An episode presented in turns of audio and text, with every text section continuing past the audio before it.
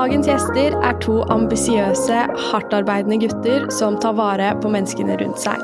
Binyam og Haron kan på mange måter sies å være forbilder når det kommer til hva de har oppnådd. Haron er advokatfullmektig hos Deloitte, og Binyam er advokatfullmektig i Help Forsikring. Haron vokste opp på Holmlia og var den første i familien til å ta høyere utdanning, mens Binyam vokste opp i Hadeland med en overveiende etnisk norsk befolkning med to foreldre som er leger. Når vi snakker om flerkulturelle, er det lett å plassere alle i samme bås, men dagens gjester viser hvor ulike vi kan være. Velkommen skal dere være, gutter. Nå gleder vi oss til å bli kjent med dere i dag. Takk for invitasjonen. Tusen takk. Eh, vi kan jo starte litt med at dere gir en sånn kort recap på hvordan dere kom hit dere er i dag som advokatfullmektiger. Vi kan jo starte med Binyam. Ja. Jeg er da eh, opprinnelig fra Etiopia og Eritrea, eh, men født og oppvokst i Trondheim, på en liten øy som heter Hitra. Der bodde jeg til jeg var ca. fire år, før familien flyttet til, til Hadeland. Um, og um, der, uh, som, mens jeg vokste opp der, så drev jeg en del med musikk. Uh, spilte, spilte, piano i omtrent seks år, og, og, og, i korps i ti år. Spilte trompet. Um, og gikk på barne- og ungdomsskole der, men begynte på videregående i Oslo. Pendlet da halvannen time hver vei uh, for, å, for, å, gå der. Um, og eh, etter videregående så, så, tok jeg et år i Forsvaret, var da et år i musikktroppen i Garden. Før jeg tok litt fag og begynte på, eh, på jussen i Oslo, på universitetet der. Eh, og ved siden av studiet så var jeg relativt aktiv. Eh, hadde, hadde to jobber, én jobb på Sten og en som studentmedarbeider i Advokatforeningen, eh, hvor jeg jobbet med advokatetikk. Eh, men drev også med litt forenings, foreningsarbeid. Startet bl.a. En, en gruppe der som hadde fokus på karriere og arbeidslivsmuligheter. Og det holdt jeg på med omtrent i ja, nesten fire år i løpet av studiet. Eh, og nå jobber jeg da, har jeg jobbet litt over et år som advokatformektig i, i Help. Ja, hva med deg Harom, hvordan, eh, hvordan, var det for deg? Ja, for meg, jeg, eh, jeg vokste opp på et sted i Oslo som heter Holmlia. Og barndommen min handla egentlig om fotball, og nesten kun fotball.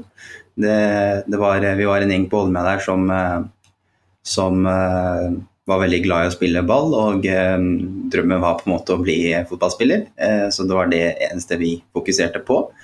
Eh, jeg gikk på barne- og ungdomsskole der, og så gikk veien videre til eh, eh, Jeg ble hentet av eh, Vålerenga fra Holmlia fotballklubb, og startet da på Vang toppidrettsgymnas når jeg startet på videregående. og der det, det, var veldig bra. det var første gang man på en måte fant en verden utenfor Holmlia. Eh, og eh, dagene eller hverdagen handla da mest om å trene mest mulig og bli best mulig.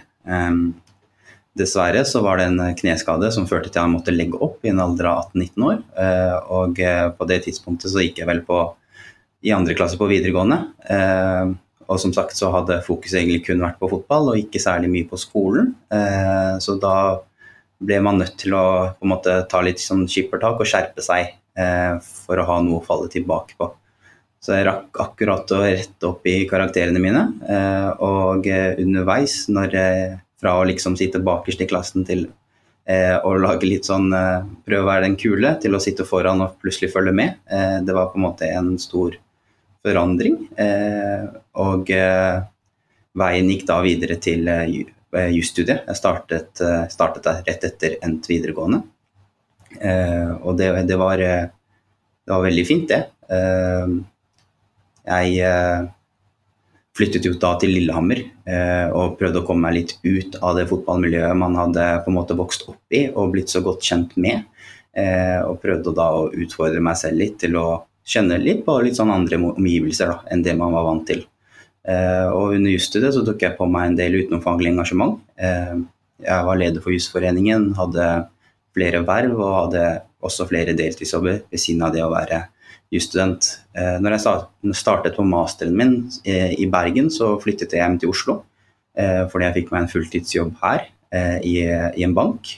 Og så jeg pendlet for å ta eksamen da, i Bergen. Så de to siste årene så jobbet jeg fulltid i, i bank mens jeg tok master. Eh, og etter endt mastergrad så eh, endte jeg opp i Deloitte, og her har jeg jobbet i ca. litt over ett og et halvt år nå. Eh, og trives veldig godt. Mm. Nå har vi sett på et litt sånt fugleperspektiv. Kan dere eh, ta oss med nærmere inn i hvordan det var å begynne på uh, jussen da kan vi jo begynne med deg, Haron. Ja. Eh, når jeg startet på jussen, så Altså grunnen til at jeg startet på jussen, var jo at eh, som jeg nevnte i stad, eh, når jeg gikk på videregående, så var det på en måte eh, Skole var ikke særlig stor fokus de to første årene, men det ble det det siste året. Og da følte jeg at eh, juss, eller jeg hadde rettslære på skolen, og de lærerne appellerte, appellerte mest til meg eh, med tanke på hvordan det var å Eh, studere i juss, eh, fordi begge var jurister. Eh, og når jeg da startet på, på min på jusutdannelsen, så, så var det jo veldig spennende, først og fremst. man følte Det var ikke veldig mange som så ut som meg, så jeg følte meg kanskje litt annerledes der. og det var veldig få som på en måte kom fra samme bakgrunn og kanskje omstendigheter som det jeg gjorde. Eh, men det var veldig veldig spennende å bli kjent med nye typer mennesker, eh, nye typer personligheter. Og kanskje, litt, eh, kanskje mennesker som har vokst opp i litt andre kultur og omgivelser. Mm. Det, fikk det at du liksom hadde en litt annerledes bakgrunn og så litt annerledes ut, var det sånn at det i en kort periode fikk deg til å føle at du kanskje ikke kunne lykkes, eller at du måtte jobbe ekstra hardt? Hvilke liksom, følelser skapte det i deg? Så de, de første årene på jussen så forsto jeg, eh, eller så følte jeg veldig at eh, de jeg studerte sammen med, enten hadde foreldre eller familie som på en måte var advokater. Eh, mens jeg hadde ikke på en måte det å vise til. Mine foreldre lærte meg å jobbe, jobbe veldig hardt. Eh, og jeg er på en måte ikke vokst opp med jusprat rundt middagsbordet siden jeg var seks år. Eh, det, jeg, det, jeg, på en måte lærte av mine foreldre, var at det er knallhardt arbeid som lønner seg. Så det har på en måte vært grobunn i, i min, min, tilnærming til jusstudiet, at jeg skal jobbe knallhardt. Og eh, målet er å jobbe hardest i, i enhver rom man sitter i. Eh, men eh, det er klart, eh, jeg forsto Jeg følte etter hvert at eh, folk på en måte kanskje hadde en lettere eh, vei i form av at foreldre, familie, var allerede advokater. og hadde på en måte en bedre, av det kunne få en litt sånn bedre Eh, bedre eh, på en måte forslag til studieteknikker eller lettere vei inn i arbeidslivet, fordi man hadde allerede sikret seg traineeopphold i, allerede i andre avdeling f.eks. Eh, og det, slike ting hadde ikke jeg, eh, men det, det, setter jeg også pris på i dag, for det på en måte fikk meg til å være på tå hev eh, og på en måte i bånn gass. Mm. Ja, for det følte litt jeg på også. At liksom jeg føler at når du har liksom foreldre som har en akademisk bakgrunn, da, mm. så har du litt flere Eller du vet litt hva du går til. Jeg, jeg liksom bare kjørte på, jeg visste ingenting, og så bare kom jeg dit. Og så eh, Jeg har vokst opp eh, litt sånn som deg, da, i et mangfoldig miljø. Eh, og da blir det litt sånn kultursjokk når du kommer på jussen, selv om du liksom vet ish hva du kan liksom forvente deg, da. Mm. Jeg husker det første jeg gjorde når jeg startet på jussen, var jo å sjekke eh, hvilke type mennesker som jobbet i typ, de ti største advokatfirmaene i Norge.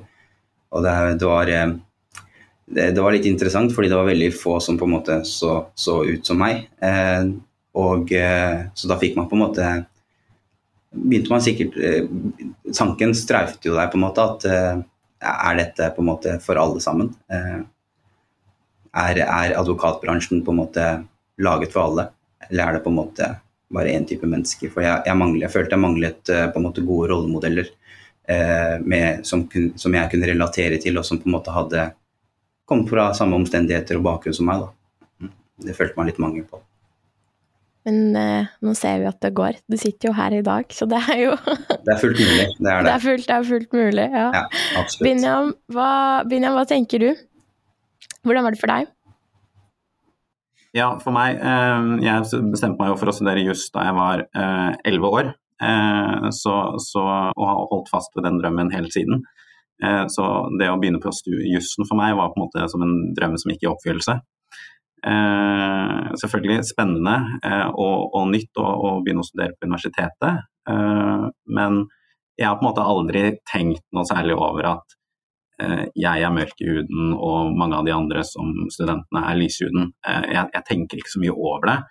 Eh, så, så, jeg um, følte meg heller aldri noe annerledes enn en medstudentene mine. Men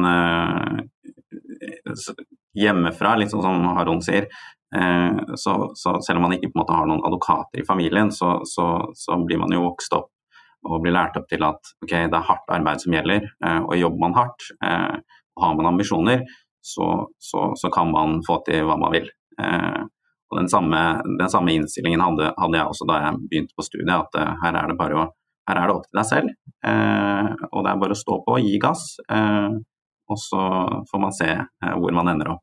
Men hadde du noen eh, bekymringer, eller var det noen ting som noen sa til deg som fikk deg til å liksom bli kanskje litt stressa for om du kunne lykkes i den eh, bransjen?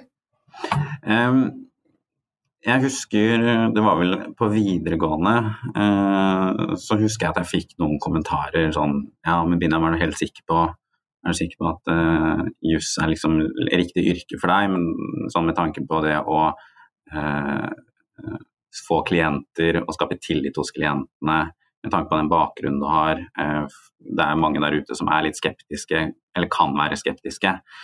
Um, et par sånne kommentarer fikk jeg jo.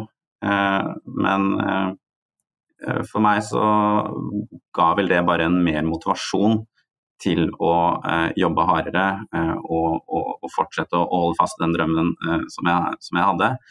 Um, og det tror jeg er viktig, at man på en måte ikke, ikke tar den offerrollen sånn altfor alt for lett, men at man prøver å snu enkelte negative kommentarer Eh, til noe positivt. Altså bruk det som en motivasjon eh, for å, for, å, nå dit du, dit du, vil. Jeg føler det der med å liksom få negative kommentarer om at du ikke får det til Én ting er at ja, det kan på en måte komme fra medstudenter og sånn, og, men jeg vet ikke med dere, men liksom i familien vår, da, eller på en måte i vennekretsen vår, så er det også ganske mye sånne holdninger ute og går. Jeg har hørt blant annet mange si sånn Nei, jeg skal aldri la barnet mitt studere juss, fordi da blir du arbeidsledig. Og jeg bare Herregud, jeg Og så sa jeg liksom Ja, men jeg studerer jo juss nå, og jeg får jo lov til å jobbe med så mange av de store selskapene. Jeg, bare, jeg er jo liksom et bevis på at det er jo ikke sånn at bare hvis du er utlending, så går det ikke bra. Og så sier de sånn ja, men du er unntaket, bare liksom, bare se, det er liksom en som deg der ute. Skal jeg liksom sende barnet mitt dit, og så blir de arbeidsledige, og hvem skal liksom passe på meg? Og jeg bare Herregud, liksom. Så jeg tror det, det er liksom belastende at du både får høre det liksom fra samfunnet, men at mange kan også høre det på en måte hjemmefra. Men som du sier, så må man jo bare lytte til seg selv og ha troen på at man kan klare det. Mm. Og så tror jeg det er viktig at man eh, også tør å, å, å, ta litt plass, da. Eh, det, er lett, det, er lett, for å gjøre seg selv liten når man får sånne kommentarer, spesielt når de kommentarene kommer hjemmefra. Eh, men jeg tror det er viktig at man tør å ta litt plass, og tør å vise liksom, hvilke, hvilke, styrker man, man, man, har, da, og hva man faktisk har i, i, i sekken. Jeg husker jo veldig godt at uh, når jeg bestemte meg for å studere juss etter på en måte ikke akkurat turbulent første to år på videregående, men der, der fokuset egentlig kun var fotball, så gjorde jeg en sånn helomvending for å, der jeg ville studere juss. Og da, da, hørte jeg for, eh, fra nære og kjære eh, at eh, er det på en måte Vil du gå den, den veien, for den veien er veldig lang. Eh, man kunne jo kanskje starta med en bachelorgrad i noe helt annet, og så kanskje bygge på noe der for å se om det er noe for deg. Men jeg merker med meg selv at jeg, jeg, jeg vil ikke la eh, omgivelsene rundt eller eh, holdningene rundt begrense meg. Eh, fordi jeg likte jeg, jeg følte at jusutdannelsen var noe for meg, og da ville jeg på en måte gi bånn gass og kjøre på eh, for å oppnå de målene jeg da satte, satte meg. Og det, det, er veldig viktig å huske på at uh, uansett hvor man kommer ifra, så er, det, uh, så er, det, ikke Så trenger man ikke å la omgivelsene begrense seg selv. Det er kun sin, man, sine egne drømmer som, stopp, som setter stopper for, for, det man kan utrette. Jeg tror når man på en måte er flerkulturell og vokser opp Jeg fikk jo også høre det, det var jo det første jeg hørte når jeg på en måte kom inn på jussen, og så var det en familievenn som sa oi, men det er jo så vanskelig å liksom få en jobb, da. Og når du har liksom det i tillegg til det her med at man ikke ser så mange som man kan liksom kjenne seg igjen i, så blir det på en måte Det blir jo vanskelig å uh, Hva skal jeg si, da? Å gå inn i det bare sånn med en helt open mind. Som, jeg begynte jo på jussen med masse fordommer og masse sånn ja, kanskje man kan jo si en frykt, da. Men som dere sier igjen, det handler jo bare om å på en måte tørre å ta den kampen, hvis man kan si det sånn. Og så tror jeg liksom man må også anerkjenne at det tar tid, den kampen, fordi jeg tror for mange som hører på, så hører de dette her, og så tror de kanskje at vi fikk det til over natta. At det var sånn ok, jeg bestemmer meg for det, og så dagen etter så var du liksom Michelle Obama, Barack Obama confident, liksom. Men jeg vet i hvert fall for min og Sevgi sin del Jeg tror det kanskje tok sånn to år før vi fikk den mentaliteten på plass. Det var alltid en som sa sånn nei, vi får ikke jobb, og så var det den andre som måtte si liksom nei, men slutt da, se på han og hun og hun. Og så ja, hadde vi sånn 10 000 sånne samtaler før vi var litt sånn ok, men kanskje vi får jobb, kanskje det går bra. Så det er bare en prosess. Nå har vi snakket litt om studiet. Hvordan var det når dere skulle begynne i arbeidslivet? Hadde dere noen bekymringer da dere visste om all denne diskrimineringen som eh, er rapportert mot flerkulturelle? Så ja, hvordan var det rett før dere på en måte begynte i den søkefasen, Binjam? Eh, jeg syns det var veldig spennende, eh, og det var veldig gøy å komme, endelig komme i gang med å, med å jobbe. Selvfølgelig stor overgang fra det å være student jeg, jeg, jeg, vil ikke si at jeg var så veldig bekymret for den diskrimineringen som man hører om. Um, um, jeg har aldri på en måte vært så bekymret for den uh, direkte diskrimineringen, fordi den, den, blir man jo servert, ikke sant. Uh, og da kan man uh, bestemme litt selv hvordan man velger å, å takle det. men det som kanskje er litt mer skremmende, da, hvis man kan si det på den måten, er den indirekte diskrimineringen. fordi den, den hører det ikke så mye om. Det kan være klienter som, som, som har um, ja, sine meninger eh, om folk med flerkulturell bakgrunn. Eh, som, som, og du vet jo ikke hvem disse klientene er. Eh, og det, det, gjør vel kanskje at jeg um, som Haron sa, er litt mer på tå hev. da. Eh, at man kanskje føler et ekstra press eh, på at man ikke har råd til å gjøre, eh, til å gjøre feil. Men, men, jeg vil ikke si at det er noe som plager meg i, i arbeidslivet. det er det ikke. Haron, hvordan, hvordan, var det for deg å skulle søke deg inn i arbeid og ja? Ja, eh, Først og fremst så gledet jeg meg veldig, eh, og jeg jobbet allerede fulltid mens jeg tok masteren min, så jeg hadde eh, for så vidt fått litt sånn arbeidserfaring. Eh, og det er klart, under jusstudiet, eller man leste jo stadig at folk med litt annerledes navn enn et rent norsk navn stadig kom bak på søkelisten i forskjellige jobber. Og det er klart, det, det gjør jo noe med et menneske som på en måte stadig leser noe sånt. Men min tilnærming var egentlig eh, at eh, jeg tror det er viktig Altså, jeg hadde anerkjent da, eh, at, at jeg ser annerledes ut. Jeg fra Jeg har en bonuskultur, jeg snakker flere typer språk, og det er, det er en klar fordel uansett hvor jeg går. Så hvis en bedrift på en måte ikke velger å ansette meg på bakgrunn av det, så har jeg ingenting der å gjøre i første omgang. For jeg har ikke lyst til å være i en sånn kultur og en sånn bedrift. Så, så, det var på en måte min tilnærming til det å på en måte søke jobber jeg valgte å ta med Jeg valgte å se på min bakgrunn og, eller mangfoldig bakgrunn som en styrke. Eh, og det gjorde jeg også veldig klart på, på jobbintervjuer, der jeg på en måte starta med å si at mitt navn er Haru Malik, jeg vokste opp på Holmlia. og det, det, var veldig viktig for meg å legge klart frem, fordi det er på en måte den jeg er, og, og det er i mine øyne godt nok. Eh, så startet jeg i Deloitte, og jeg ønsket å jobbe veldig internasjonalt. Og her jeg, har jeg jobbet med, jobbet, eh, jobber med klienter, eh, utenlandske klienter og sånne ting. Og det er, det er, det er veldig morsomt. Så, så Deloitte er jo på en måte et veldig stort internasjonalt firma, så her jobber vi med alle typer mennesker. Og, så jeg har på en måte ikke hatt de samme utfordringene som, som Binja var inne på, der klienten på en måte ønsker en eh, norsk, eh, helnorsk eh, advokat og sånne ting. Men, eh, men, det er klart jeg merker at terskelen for å være litt annerledes i utlandet er kanskje litt høyere enn det det er i Norge. Mm. Det ser ut som at begge to har hatt veldig positive erfaringer, i hvert fall med å komme dere inn i, i arbeid, og det ser ut som at dere trives veldig mye. og jeg det virker som at mye av grunnen til det er jo litt deres mentalitet, at dere er veldig stolt av av den dere er, og dere er veldig trygge på den dere er, og da er det alltid mye lettere å trives nesten uansett hvor man jobber, da.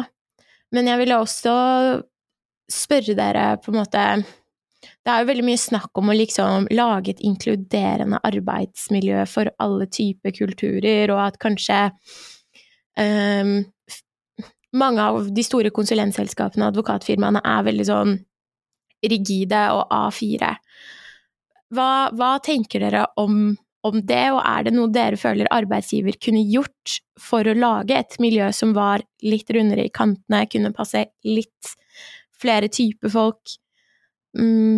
Eh, godt spørsmål. Jeg eh, tenker jo at eh, først og fremst så, så, det, så, er det viktig for en arbeidsgiver å, å kunne fremheve Eh, hvilke styrker eh, det er, det er, hvilken styrke det er å ha en flerkulturell bakgrunn, eh, og hvordan man kan dra nytte av det som advokat eller advokatfirma, nei, advokat eller advokatfullmektig, men også hvordan advokatfirma kan dra nytte av det. Eh, typ, liksom Haron var innom, eh, det at man har en flerkulturell bakgrunn eh, gjør jo at du har en unik mulighet til å harmonisere flere kulturer. Eh, eh, du har en unik mulighet til å ta det beste fra flere kulturer og få, få de til å harmonisere. Eh, og, og, det gjør deg tilpasningsdyktig, og det, deg også, det gir deg også en mulighet til å, til å tenke veldig kreativt. Og det er jo en enorm styrke som man kan dra nytte av Eh, i, i, advokatbransjen. Eh, spesielt hvis man jobber, har internasjonale klienter, og spesielt i f.eks. For forhandlingssituasjoner. Men jeg tror også det er viktig at arbeidsgivere har et fokus på mentaliteten blant de ansatte. Uh, jeg tenker at uh, det er svært viktig at man som arbeidsgiver streber etter å ha en lav terskel Eh, for å, eh, for å mm, tenke annerledes. Eh, det må være en lav terskel og nysgjerrighet blant de ansatte rundt det å være, ha en flerkulturell bakgrunn. Og, det tror jeg er viktig, da, at man starter liksom med mentaliteten innad i bedriften. Jeg er veldig enig. Og jeg syns det der du sier med å liksom, i hvert fall også jeg vet ikke om det var det du mente, men det å vært spesielt da, jobbe med mentaliteten til folk som på en måte er flerkulturelle, og, og, på en måte få de til å ha den tryggheten og den troen på seg selv, er, er veldig viktig. For hvis man ikke er trygg på seg selv, så føler jeg at det er mye lettere å ta alt som Å tolke alt som noe negativt, og selv på en måte ekskludere seg selv. Uh, Haron, hva tenker du? Ja, her sa jo Binyam eh, ekstremt mye bra, på en måte. Eh, men eh, jeg tror på en måte det er, det er litt som Binyam, altså i forlengelse av det som allerede har blitt sagt. Jeg tror det er bare veldig viktig å anerkjenne at det er lov å være annerledes i en stor bedrift. Og det er fint å være annerledes i en stor bedrift, for det får folk til å måte tenke litt i forskjellige baner. Og det igjen kan bidra til at man, man utvikler seg eh, i lag. Eh, og eh, jeg føler at det, det er snakk om er, altså den Mangfoldsdebatten i advokatbransjen spesielt har jo blåst opp de siste årene. Eh, men jeg føler jo personlig at eh, det er mye snakk og kanskje litt lite handlinger iblant. Eh, og jeg er fullt klar over at ting tar litt tid, og forandring tar tid. Men eh, jeg tror det er veldig viktig at eh, startpunktet bør, være å anerkjenne på en måte at mangfold er bra. og da, da, bør man ta de diskusjonene i, i, i styrerommene Eh, øverst i bedriftens ledelse, og, og ikke på bakkeplan, på en måte. Fordi det er, der, det er der det må anerkjennes, først og fremst. Mm. Når det kommer til å jobbe med på en måte mentaliteten til de ansatte, da, så tenker jeg det er viktig at man får den åpenheten, da, som Haron sier, at for at det skal være rom for at man skal være annerledes, så må man eh, liksom kunne snakke med hverandre da, og bli kjent med disse unike sidene ved folk. Eh, og at folk skal liksom være nysgjerrige på Ja, hvis noen har en flerkulturell bakgrunn, for eksempel, da, eh, og tørre å liksom stille spørsmål, for jeg tenker at det er sånn man lærer. Mm.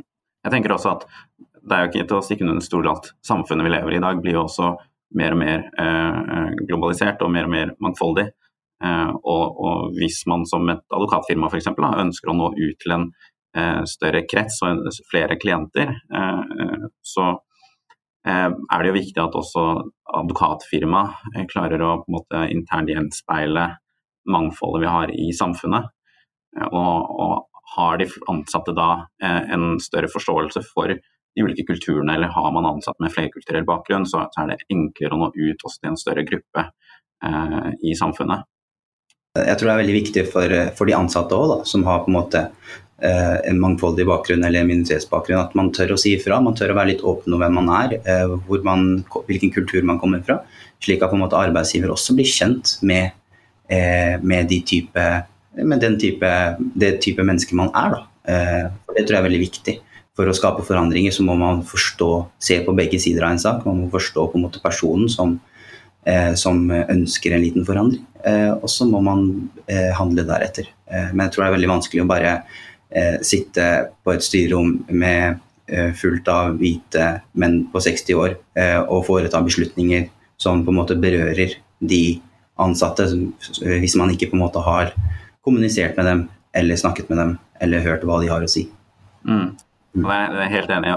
Og, og, uh, som, som, du er litt inne på, it takes two to tango. Altså, uh, arbeidsgiver kan, kan, kan, gjøre sin del, uh, men det er også viktig at de med flerkulturell bakgrunn eh, inne, som allerede er ansatt i bedriften, eh, tør å ta litt plass, tør å ta litt ansvar, tør tør å, vise frem hvilke styrker de har, og, og, hvordan det kan brukes. For det er sikkert mange i, i de enkelte advokatfirmaene som kanskje ikke er så klar over um, hvilke styrker det er å ha en flerkulturell bakgrunn, eller hvordan de kan få frem de ulike styrkene eh, blant de ansatte.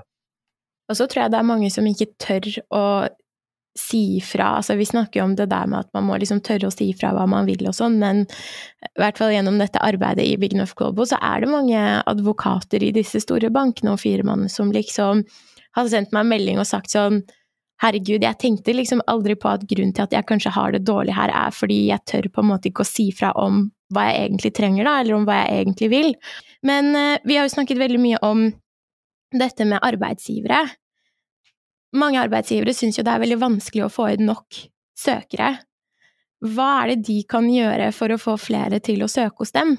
Nå har vi snakket litt om interne endringer, men er det noe de liksom kan gjøre i den eksterne eh, kommunikasjonen sin? Har du noen tanker, eh, Aron? Ja, Advokatfirmaene, i hvert fall de store, er jo veldig flinke til å være synlige eh, når man går på jusstudiet, eh, i form av karrierelivsdager og sånne ting, eh, eller ALD. Eh, men jeg tror at man kanskje bør starte enda tidligere. Og på en måte kanskje være synlige for, for typ videregående skolene på østkanten i Oslo f.eks.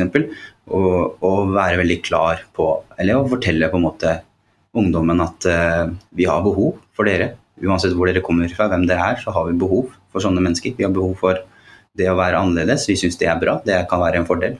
Slik at man på en måte da eh, som en ung og ambisiøs kvinne eller mann eller ungdom eh, får høre det ganske tidlig, da, før man kanskje allerede starter på jussen. For det, det, tror jeg vil fjerne mye av den usikkerheten man går inn i jusstudiet med. Eh, og da har man på en måte, da starter man istedenfor å starte i en oppoverbakke, så starter man i en nedoverbakke. Og det, det er en klar fordel. Mm. Jeg tenker at Det er kanskje ikke så veldig mange som har, eh, det er ikke alle som har reflektert eh, kanskje, så mye over hvilke fordeler man har, i og med at man har en flerkulturell bakgrunn, hvilke fordeler det innebærer. Og som, som, arbeidsgiver så kan det kanskje være en idé også å mm, poengtere det, da. Fremheve det. Eh, hvordan de med flerkulturell bakgrunn også en, eh, kan ha en sentral rolle i, i bedriften. Hvordan, eh, hvordan, det at man har en unik forståelse for flere kulturer, språk osv. er en kjerneverdi eh, når man skal jobbe med mennesker, da, noe man gjør som advokat eller advokatformidler. Så I tillegg tror jeg også det er veldig viktig for eh, de, de, de, advokatene eller juristene som på en måte har funnet en vei inn i advokatbransjen, eh, å stå litt mer frem. Eh, og som, som, på en måte gode, gode, rollemodeller og fortelle litt sånn, være litt mer synlig da, eh, for, for, for jusstudentene. Eh, der man på en måte forteller litt om veien hit, og, og bare, bare er et symbol på at ting er mulig. Det tror jeg er mye å si. Som jeg bare nevnte innledningsvis, så savnet jeg på en måte gode rollemodeller. Eh, I hvert fall i den forretningsjuridiske advokatbransjen. Eh, det var, eh, og, og, det fikk meg på en måte til å tenke meg litt om da, om det er noe jeg passer til. fordi jeg hørte jo stadig ja, skal du bli, hva skal du drive med, skal du kanskje bli forsvarsadvokat du da, Aron? Eh, fordi veldig mange med samme bakgrunn som meg hadde gått den veien.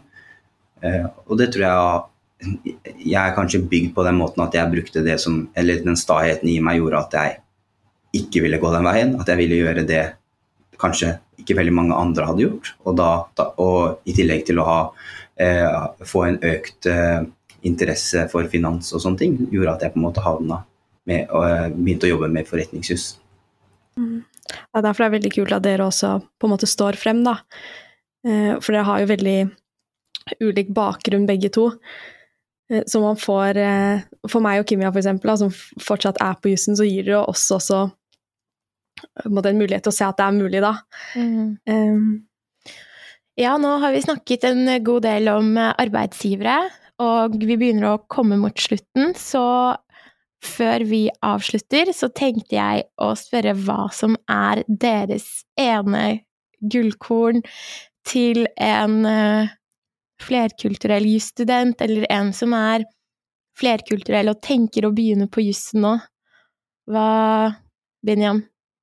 Ja, Det ene klare rådet jeg har da, er vel at man ikke lar andres kommentarer og, og, og fordommer sette begrensninger for, for, dine mål og ambisjoner. Um, det er det ene. Det andre er at man, det er viktig å, å, holde fast uh, ved, den, ved, de styrkene man har, uh, og unike muligheter man har.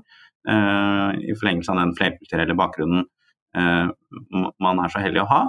Eh, og at man, i, som jeg nevnte innledningsvis, kanskje ikke, ikke innta denne offerrollen for tidlig, men at man heller ser på det som en styrke, tør å ta plass og, og, og spiller aktivt på de unike mulighetene man har. jeg Ja, godt spørsmål. Jeg tror For de som de jusstudentene med minoritetsbakgrunn som på en måte har, eller hører på denne podkasten her, så tror jeg kanskje jeg håper, jeg håper ikke de får et inntrykk av at uh, som vi var litt sånn tidligere inne på, at uh, jeg og Binyan bare bestemte oss for å bli advokater, og da gjennomførte vi det bare. For det har vært fem lange år, og det har vært fem år med, der det har kommet usikkerheter, motivasjonen har dalt. og det har vært store opptur og store nedturer. og det, det er viktig viktig å anerkjenne at det, det, det er helt normalt. Eh, og, og, så er det også, for min del det beste tipset jeg kan gi, er å bare vite hvorfor, eller anerkjenne eller reflektere over hvorfor man i det hele tatt startet på jusutdannelsen. For det er klart at hadde det, dette vært enkelt, så hadde alle vært jurister. Eller advokater. Eh, men det er det ikke. Det er ikke slik det er. og eh, det hjalp veldig for meg å bare anerkjenne hvorfor jeg startet, eh, og hvorfor jeg ønsket dette her. Eh, og så er det til syvende og sist knallhardt arbeid. Eh, man, man, det er veldig mange man hører stadig veldig mange si veldig mye om hvor tøft dette her er for folk som ikke ser ut, eller for folk med minoritetsbakgrunn. Men, men eh, alt er mulig, og vi bor i et fantastisk land som Norge. Så jobber man knallhardt og eh, har troen på seg selv, og selv om man kanskje ikke har det i tider, så kan det gå bra. Tusen, tusen takk for så fine, åpne og ærlige råd. Eh, jeg er sikker på at veldig mange vil kunne dra nytte av disse her, og dere er absolutt eh, rollemodeller for i hvert fall meg og Sevgi, og jeg vet at dere er det nok for veldig mange andre også. Ja. Tusen takk for at vi kom. Det var veldig hyggelig. Takk for at dere kom. Med.